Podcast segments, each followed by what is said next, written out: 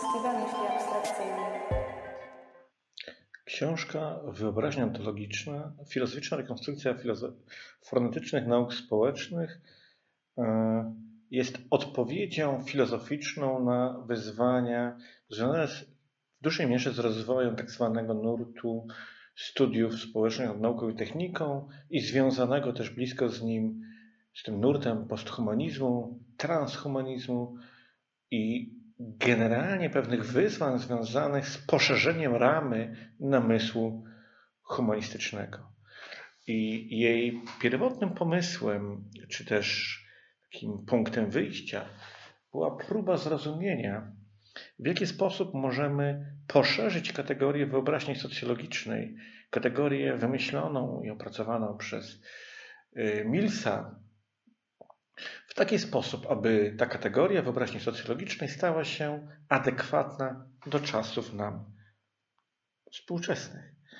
I tak jak Mills y, sformułował swoją kategorię czy propozycję wyobraźni socjologicznej jako pewien pomysł na zarówno teoretyczną, jak i praktyczną dyspozycję zarówno badacza, jak i aktywisty, jak i działacza, jak i uczestnika życia społecznego, która to dyspozycja pozwala, czy powinna pozwalać na poruszanie się w złożonym, nowoczesnym świecie. W przypadku Millsa, kiedy formułował ten swój projekt, chodziło o świat lat 60., świat jeszcze takiej wysokiej nowoczesności, a tym, co było najważniejsze dla Millsa, to umiejętność przechodzenia, umiejętność mediowania między różnymi poziomami analizy. To znaczy, wyobraźnia socjologiczna miała odpowiadać na wyzwania egzystencjalne, które te wyzwania egzystencjalne przychodzą do nas na poziomie świata życia, powiedzieliby socjologowie fenomenologiczni, część fenomenologów i objawiają się jako wyzwania, no właśnie jako wyzwania egzystencjalne w takim rejestrze yy, i dotyczą jednostki, i to przed jednostką stawiają zadania do wykonania.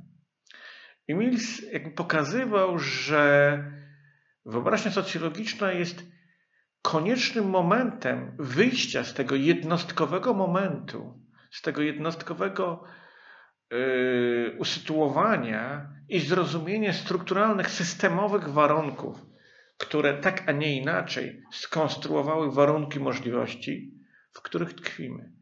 W tym sensie dla filozofów yy, Mills yy, jest tak naprawdę pewnym powrotem do pracy, którą, pracy pojęcia, którą znamy też u Hegla.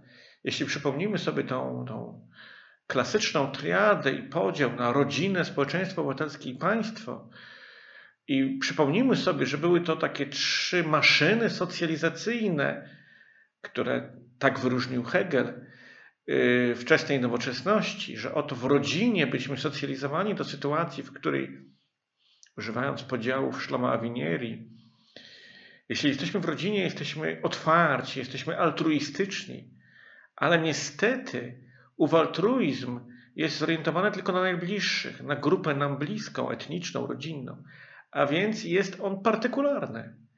Kiedy wchodzimy w interakcję z instytucjami społecznymi, instytucjami rynkowymi, życiem publicznym, uniwersalizujemy się i ujednostkawiamy.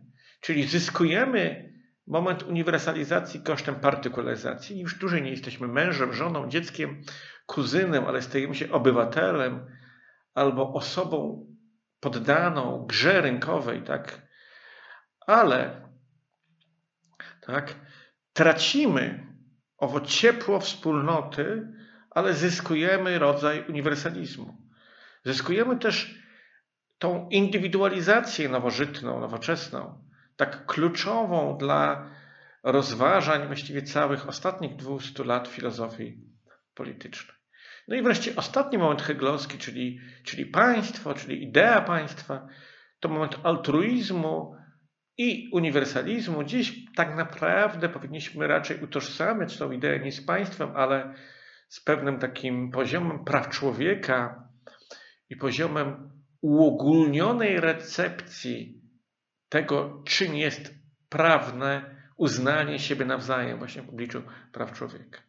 I to ćwiczenie heglowskie pokazuje, że jednostka już wówczas, w XIX-wiecznej sytuacji, musiała, czy powinna może w ten sposób, potrafić rozpisywać samą siebie w tych momentach przejścia od poziomu partykularnego, rodzinnego, po instytucje, aż po poziom globalny. Mills dodaje tutaj silnie analizę rynkową, analizę społeczną, czyli podsumowując ten moment wprowadzający, wyobraźnia socjologiczna miała być umiejętnością mediowania pomiędzy poziomem ogólnym, systemowym, poziomem uwarunkowań, a poziomem egzystencjalnym. Czyli dla analiz systemowych świadomość egzystencjalnego ich wymiaru pozwala na uniknięcie technokrytycznej obojętności, w której projektujemy osiedla, czy projektujemy miejsca pracy, czy projektujemy szkoły, a nie potrafimy zrozumieć, jak przekładają się owe projekty na y, życie codzienne, na wyzwania życia codziennego. Ale i w drugą stronę, Mills przestrzega nas przed nazbyt podpiesznym no, ucieczką w partykularyzm, w hołubienie tego momentu egzystencjalnego.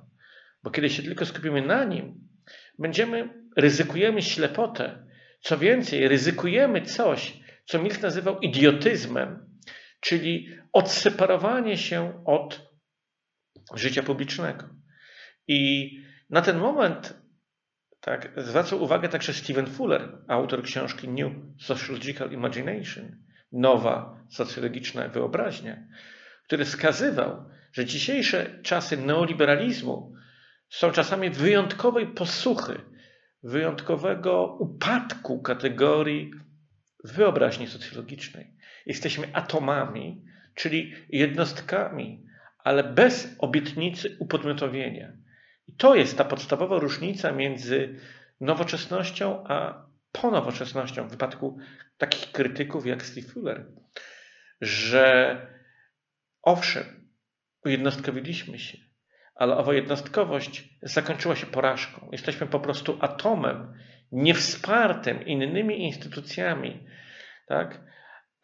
w walce o codzienność, o, o to, żeby przemagać wpływ instytucji ponadjednostkowych, takich jak instytucje rynkowe, czy państwo, czy inne systemowe uwarunkowania.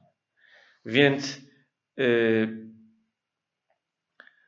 tytułowa wyobraźnia socjologiczna chciała być i jest propozycją przywrócenia namysłu nad Millsem, czyli pokazanie, jak ta kategoria pracuje w dzisiejszym świecie. Mills, opisując tak zwanych ludzi średnich, owo pokolenie ludzi nowoczesnych, pokazywał, że tracą oni kontrolę nad swoim własnym prywatnym życiem, jeżeli nie potrafią rozumować, nie potrafią, nie dysponują ową praktyczną umiejętnością usytuowania się, y, rozpisania samego siebie y, na mapie zależności. Jeżeli nie mamy świadomości struktury, która nas ogranicza, jesteśmy skazani na ślepe brnięcie w świat konieczności. I odwrotnie, cytując klasyków, czyli idąc tropem marksowsko-heglowskim, czy też heglowsko-marksowskim, tak?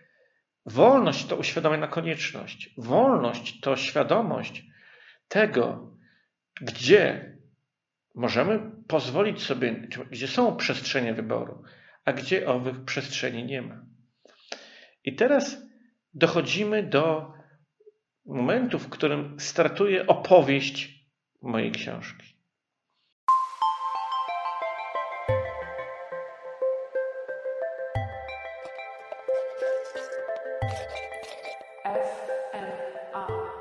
Festiwal Myśli Abstrakcyjnej dziś mamy inne uwarunkowanie niż nowoczesność. Nie dość, że nie zniknęły różne obciążenia związane z epoką nowoczesności, to doszliśmy do momentu, kiedy musimy borykać się też z rozwiązywaniem tego, co nowoczesność nam przyniosła. Czyli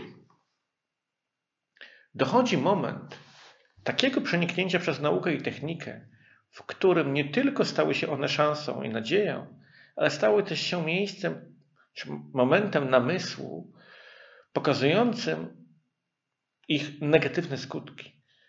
A co jeszcze dodatkowe, krytyka nowoczesności i krytyka nauki i techniki jest dzisiaj o tyle w niefortunnej sytuacji, że może przyczynić się do poszerzania nastrojów neoludycznych, antynaukowych, y, nastrojów takich, które bym nazwał nie wiem, szerzeniem ignorancji czy szerzeniem wątpliwości, związanych chociażby z ruchem antyszczepionkowym, czy y, z, z osobami, które negują wpływ czynnika ludzkiego na zmianę klimatyczną.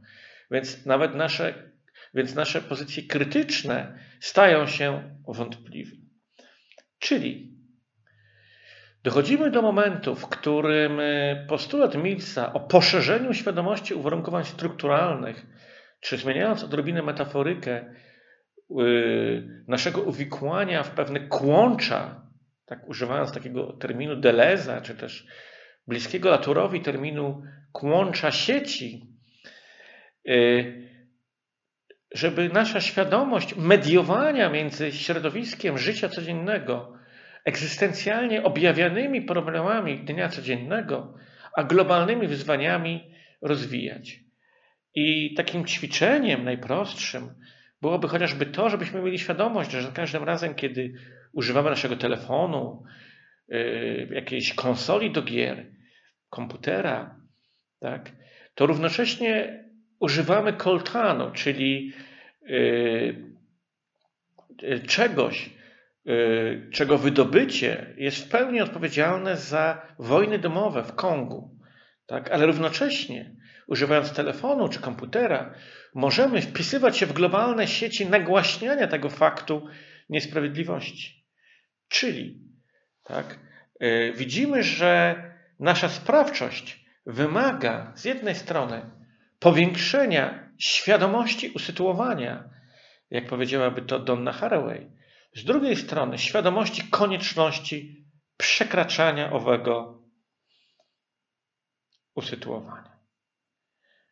I teraz dochodzimy do momentu, w którym moja książka jest w dużej mierze polemiką z posthumanizmem, a i wcześniej z postmodernizmem. To znaczy, w książce pojawiają się dwa blisko ze sobą złączone pojęcia wyobraźnia barokowa oraz fronezis, czyli mądrość praktyczna i roztropność. I owa barokowość wyobraźni tutaj e, nawiązuje do rozstrzygnięć mm, Johna Lawa, filozofa, socjologa brytyjskiego, w których kiedy on używa metafory baroku, ma na myśli taki typ wyobraźni, który przeciwstawia wyobraźni linearnej. Barokowa wyobraźnia to taka wyobraźnia delezjańska, wyobraźnia, która nie ma granic, która y, dostrzega złożoność świata, która akcentuje polifoniczność, która akcentuje, jak powiedziałaby to Anna Maria, Anna Maria Moll, Y, wielość możliwych ontologii, jakie są wykonywane, czy mówiąc precyzyjniej, jakie mogą być wykonywane w świecie. Jest to też wyobraźnia bliska takiemu filozofowi jak Searle, czy wyobraźnia bliska mm, okej, okay, jak Searle.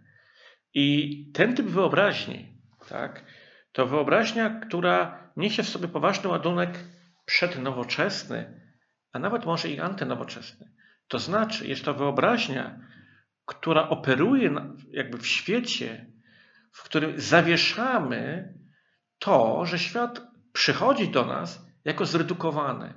Tak świat, w którym my obcujemy, świat naszej codzienności, jak powiedział Latour w swojej książce, czy w dodatku do książki mm, Pasteryzacja Francji, czyli w dodatku o nazwie Irreduction, nie redukcję, y, to świat taki barokowy, to świat, który wymaga, i to już jest moje własne określenie, ontologicznej epoche. To znaczy wymaga od nas zawieszenia tego, jak świat jawi się nam w pragmatyce życia codziennego. Świat dla nas przechodzi jako już gotowy, jako zrozumiały, jako stabilny, tak świat uporządkowany. Z wielości możliwych ontologii wykonywana jest jedna, właśnie ta, w której działamy. Ale przecież wiemy, że nie trzeba wiele, żeby zrozumieć, że wszystko, czy wiele mogło pójść inaczej. Świat mógł zostać inaczej pokrojony, używając takiej trochę y, grubo ciosanej metafory.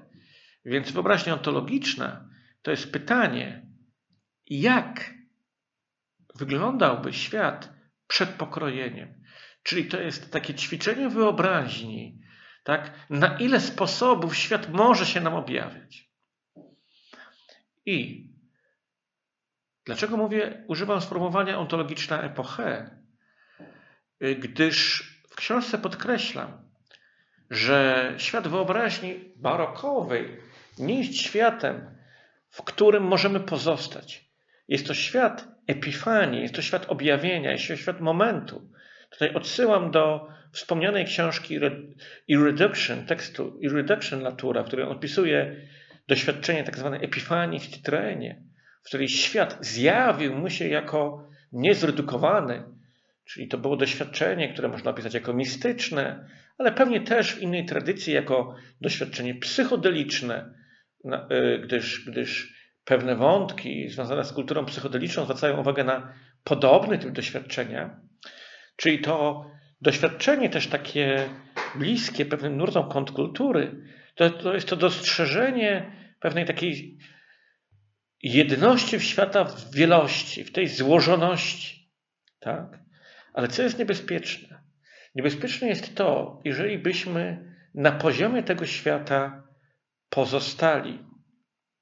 To znaczy, pozostalibyśmy jedynie w epifanii, bo to może być światem y, przeżywania, uniesienia, ale nie może być światem, w którym możemy pragmatycznie egzystować.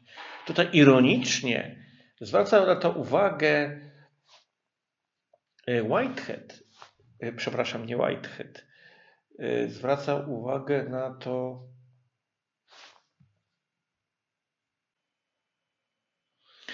oczywiście nie Whitehead, ale William James, która zwraca uwagę na to, iż myśl heglowską y, można zrozumieć, kiedy jest się pod wpływem eteru. Jeśli pamiętamy, William James był, y, znaczy lubił bywać pod wpływem tej substancji. Ale dość tego wracamy do, do książki.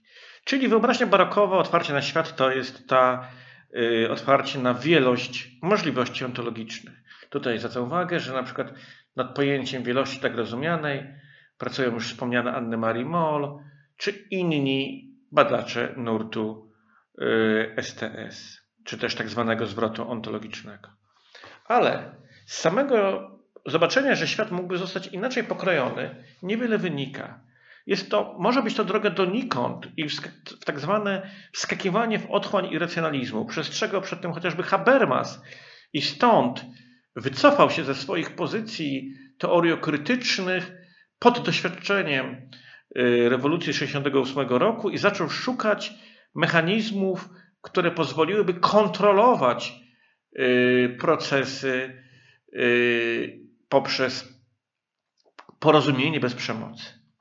Moja droga jest inna niż droga Habermasa.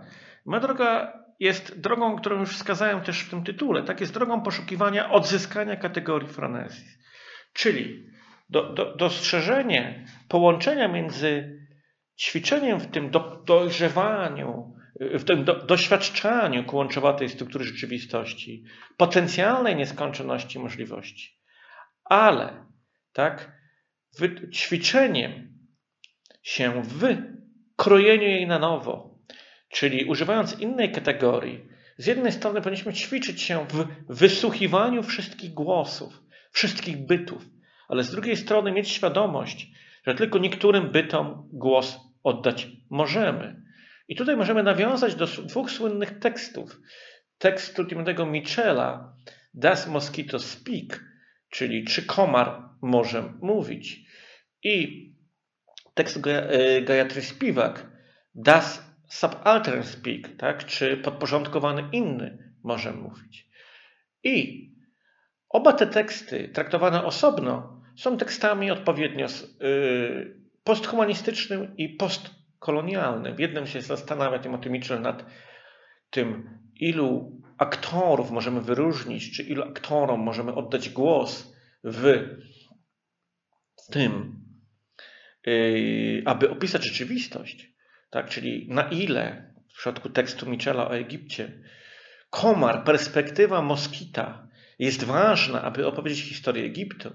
W przypadku Spiwak mówimy o głosie ludzkich podporządkowanych innych. Ale pytanie teraz dla mnie jest takie: co jeśli w danej konfiguracji rzeczywistości społecznej, yy, historycznej, ludzkiej i pozaludzkiej mamy do czynienia i z pozaludzkim innym, i z ludzkim innym? Musimy decydować, komu głos oddać. To znaczy, czy ocalimy komara, yy, czy ocalimy ludzkie życie. Czy jeżeli walczymy z malarią, tak, to czy świadomie musimy po wysłuchaniu głosu moskitu, komarów, uświadomieniu sobie, że przynoszą one malarię, czy nie zatyka nam ręka, żeby wprowadzić środki, którymi niestety owe komary wytępimy, po to, aby ludzcy inni mieszkający na tych samych terenach mogli żyć. Czyli yy, pytanie jest takie, jak po wsłuchaniu się w koncert bytów, mówiąc dość górnolotnie, zdecydować, którym głosem oddać więcej miejsca. Czyli pytanie jest proste. Y, jeśli wyobrazimy sobie orkiestrę, która się stroi, która na początku jest w kakofonii dźwięków, jeśli Państwo bywają nieraz w filharmonii, to dla nas zadaniem jest z jednej strony wsłuchać się w pojedyncze, strojące się instrumenty, wsłuchanie się w ich możliwości, wsłuchanie się w ich własności, w ich partykularne, specyficzne brzmienia, tak? ale później musimy podjąć decyzję, jak pokierować orkiestrą, jak uszeregować i jak kierować głosami, aby z owej kakofonii wyłonić pewne typy dźwięku, które preferujemy i aby można wybrzmiała jakaś melodia.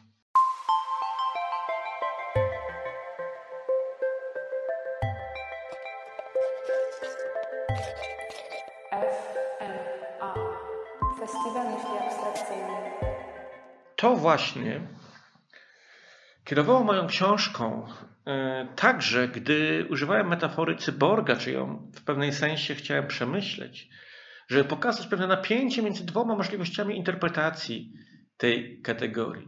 Jedna, że cyborgami jesteśmy od niedawna.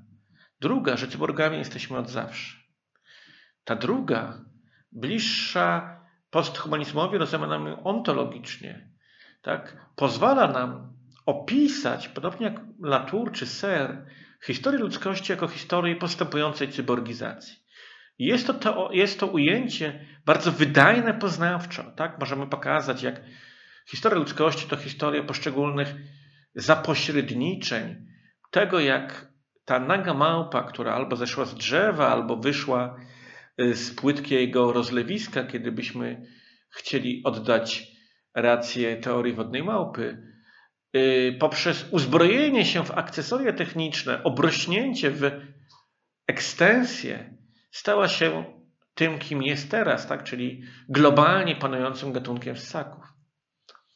Ale taka perspektywa utrudnia nam artykulację aksjologii. Właściwie nie ma momentu, w którym mogliśmy powiedzieć, że y, coś poszło nie tak. Właściwie od zawsze jesteśmy cyborgiczni.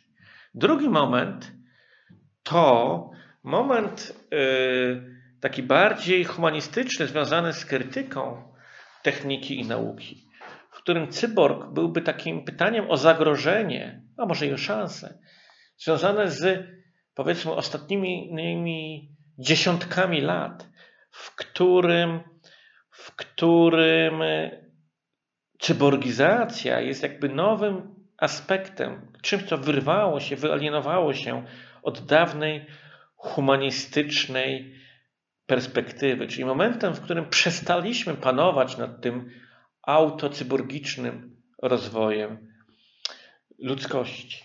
Tak? Czyli to, co ja chciałbym pokazać, to pokazanie, że posthumanizm ma rację ontologicznie. Człowiek jest ontologiczną fikcją. Człowiek jest tylko przecięciem na, jest tylko momentem w kłączu tego, co ludzkie i nieludzkie. Ale równocześnie człowiek sprawczy, człowiek polityczny, aksjologiczny fikcją nie jest. Czyli człowiek jako sprawczy jest performatywnie tak, y, czymś, co istnieje. Tak to w imię fikcji jednostki powołujemy do życia pewne konstrukty aksjologiczne czy polityczne. I moja książka między innymi chce odpowiedzieć, w jaki sposób możemy przechodzić pomiędzy wrażliwością na ową ontologiczną nieistnienie człowieka, tak, na ową konfrontację z tym ważnym pytaniem, a równocześnie na świadomość, że nie możemy na tamtym poziomie zostać i musimy być humanistyczni jako politycy czy jako etycy, a posthumanistyczni jako ontolodzy. Czyli mówiąc krótko, musimy połączyć ogień z wodą. I właściwie przechodząc do końcowej części tego, tego wykładu, chciałbym też podkreślić na pewien wątek polityczny, który towarzyszył mojej książce. Y, wątek ten to była próba odzyskania potencjału pewnej prometejskiej, oświeceniowej wyobraźni, czy też nowoczesnej wyobraźni, która potrafiłaby być na tyle sprawcza, czy na tyle mobilizująca, jak niegdyś e, wyobraźnia nowoczesna, ale równocześnie od tejże nowoczesnej wrażliwsza na kontekst, czyli e, byłaby równocześnie nowoczesna w swej chęci politycznej, zmiany czy projektowania przyszłości, czyli byłaby ak- e, akceleracjonistyczna, jak powiedziałby Srnicek, nie Srnicek, ale z drugiej strony byłaby barokowa i w tym sensie reakcyjna w tym, aby pokazać ten świat, który, który yy, w jego całej rozciągłości. I w tym sensie moja książka byłaby taką filozoficzną, dziwnym połączeniem tak, akceleracjonizmu, chęci przywrócenia prometejskiej wizji odważnej wizji zmiany społecznej i politycznej. Czyli tak naprawdę byłaby to, jest to książka oświeceniowa, ale z drugiej strony jest to też taki filozoficzny postwzrost, taka filozoficzny degrowth, czyli takie zwrócenie uwagi na tych, których po drodze odtrącimy. Tak? Więc jest to taka książka, którą można byłoby określić jako myślenie po spirali, czy myślenie zygzakiem, w której każdorazowo ruchowi yy, sprawczości, ruchowi owej prometejskiej chęci pokrojenia świata, tak towarzyszyłby zwrotny moment refleksywny, sprawdzania, jakież to byty wciąż zostały stłamszone i niewysłuchane. I to jest związane z tym, że jakby oświecenie czy nowoczesność często były nazbyt butne, nazbyt śmiałe, że zbyt często wycinały rzeczywistość i nie dostrzegały tego, co w owym procesie zostało wyrzucone. Tak?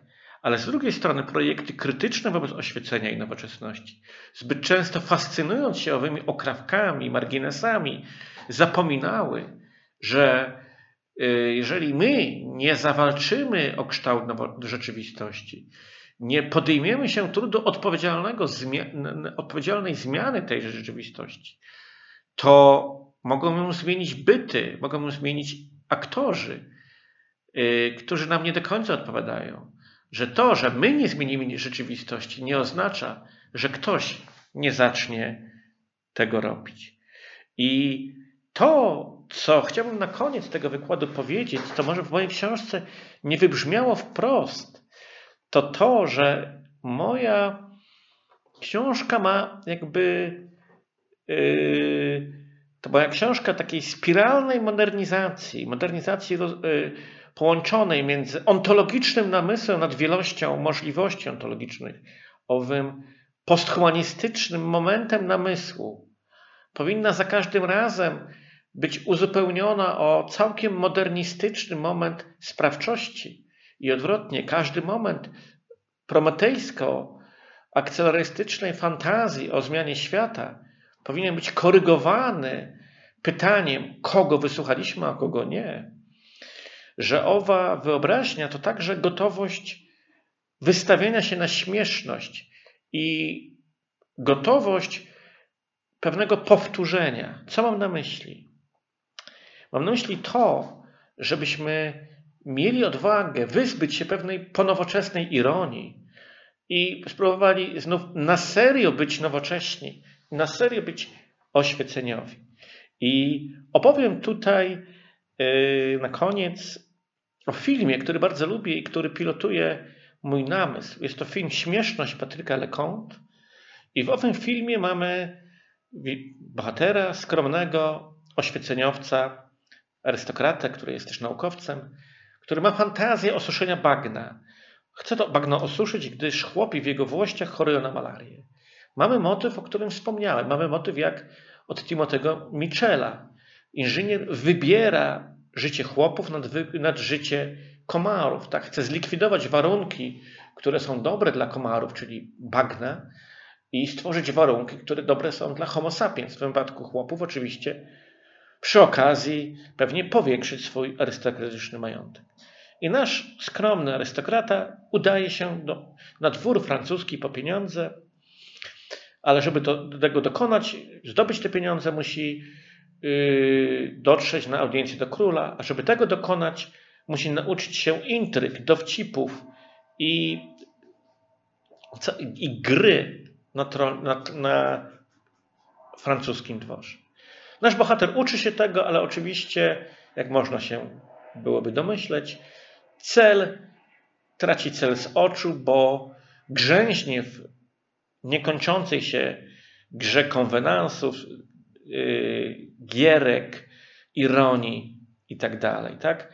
Ta możliwość przemiany świata, jego nowatorskie pomysły i eksperymenty toną yy, i nie w tym świecie intryg toną w śmieszności. Tak? Bohaterowi nie udaje się nie być śmiesznym.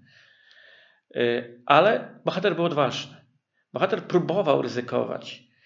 Y, na końcu filmu, tu uwaga, spoiler, nasz bohater dopina swego, ale dopiero po rewolucji. Tak? Ale miał odwagę być śmiesznym już przed rewolucją.